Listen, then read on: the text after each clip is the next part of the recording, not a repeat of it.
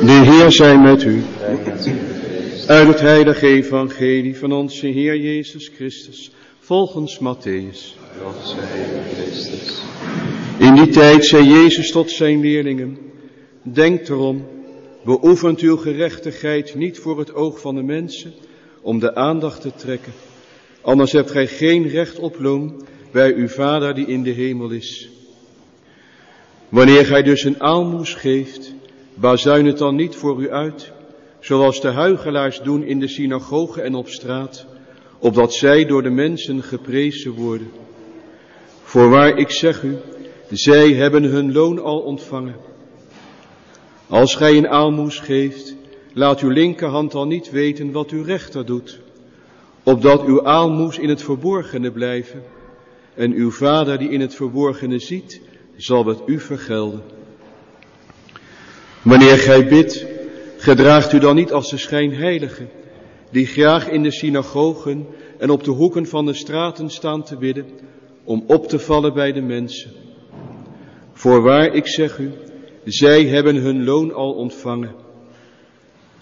Maar als gij bidt, ga dan in uw binnenkamer, sluit de deur achter u en bid tot uw vader die in het verborgene is. En uw vader die in het verborgene ziet, zal het u vergelden. Wanneer gij vast, zet dan geen somber gezicht zoals de schijnheiligen. Zij verstrakken hun gezicht om de mensen te tonen dat zij aan het vasten zijn. Voorwaar, ik zeg u, zij hebben hun loon al ontvangen. Maar als gij vast, zalf dan uw hoofd en was uw gezicht, om niet aan de mensen te laten zien dat gij vast. Maar vast voor uw vader die in het verborgene is.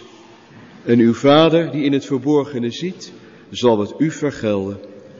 Woord van de Heer. Het bidden, het vasten en het geven van aalmoezen. Bidden als verbondenheid met de Heer. Het vasten als het beteugelen van de eigen neigingen. En de aalmoezen als een grotere openheid voor de naasten. Dit zijn de drie wegen die aangereikt worden voor de vastentijd. En het is aan onze eigen keuze om die in te vullen. En aanstaande zaterdagmorgen zullen we daar meer over zeggen. Maar laten we nooit vergeten dat het niet deze drie wegen zijn die de vaste tijd bepalen. Nee, het is net zoals met de evangelische raden, met de geloften. Het zijn uitdrukkingen van iets veel wezenlijkers daar van een totale beschikbaarheid voor de Heer. En dat drukt zich vervolgens uit in de drie religieuze geloften. En zo zou het ook met de veertig dagen tijd moeten zijn, een bereidheid tot innerlijke bekering. En dat uit zich onder andere langs die wegen van gebed, van vasten en het geven van aalmoezen. Maar het moet dus niet bij dat laatste blijven, anders gaan we denken als ik maar wat meer bid, als ik wat minder eet en als ik wat geef aan de vaste actie, dan is dat de invulling van de veertig dagen tijd. Nee, het zou uitdrukking moeten zijn van iets veel wezenlijkers. Van de bereidheid om ons te bekeren en van de bereidheid om te geloven in het evangelie. Dat is ook de oproep die straks klinkt.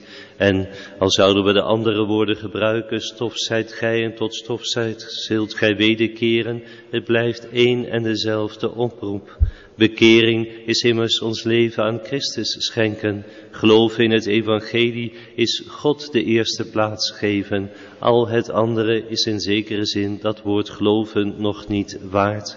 Zo is de veertig dagen tijd een tijd waarin de kerk haar Heer trouw zal volgen. Want over 45 dagen sterft Jezus aan het kruis. 45 dagen hebben we dus nog. 45 dagen heeft de kerk dus nog. Want de kerk is bereid haar Heer te volgen. De kerk is dus bereid met Jezus mee te sterven, hem te volgen in de duisternis van de hel. Voor de kerk geldt maar één ding, bij Jezus zijn, waar hij ook is. Of het nu op de berg Tabor is, of op de berg Calvarie. Of het nu is met de vijfduizend die hij voedt, of hij neergezonden wordt ter helle, als ze maar bij Jezus is. Dat is bekering, dat is geloven in het evangelie. Gelukkig dat de kerk deze weg gaat en zij gaat ons voor in deze weg. Wij proberen met haar mee te gaan en ons zo met Christus voor te bereiden op wat komen gaat. Over 45 dagen gaat hij sterven. En de tijd van de 40 dagen daartussen, de vaste tijd, is dus een tijd van afsterven, een tijd van onthechten, om meer beschikbaar te zijn. Alles is gericht op de toekomst. En zeker in deze tijd op de toekomst van de kerk, want daar willen we aan bouwen door beschikbaar te zijn.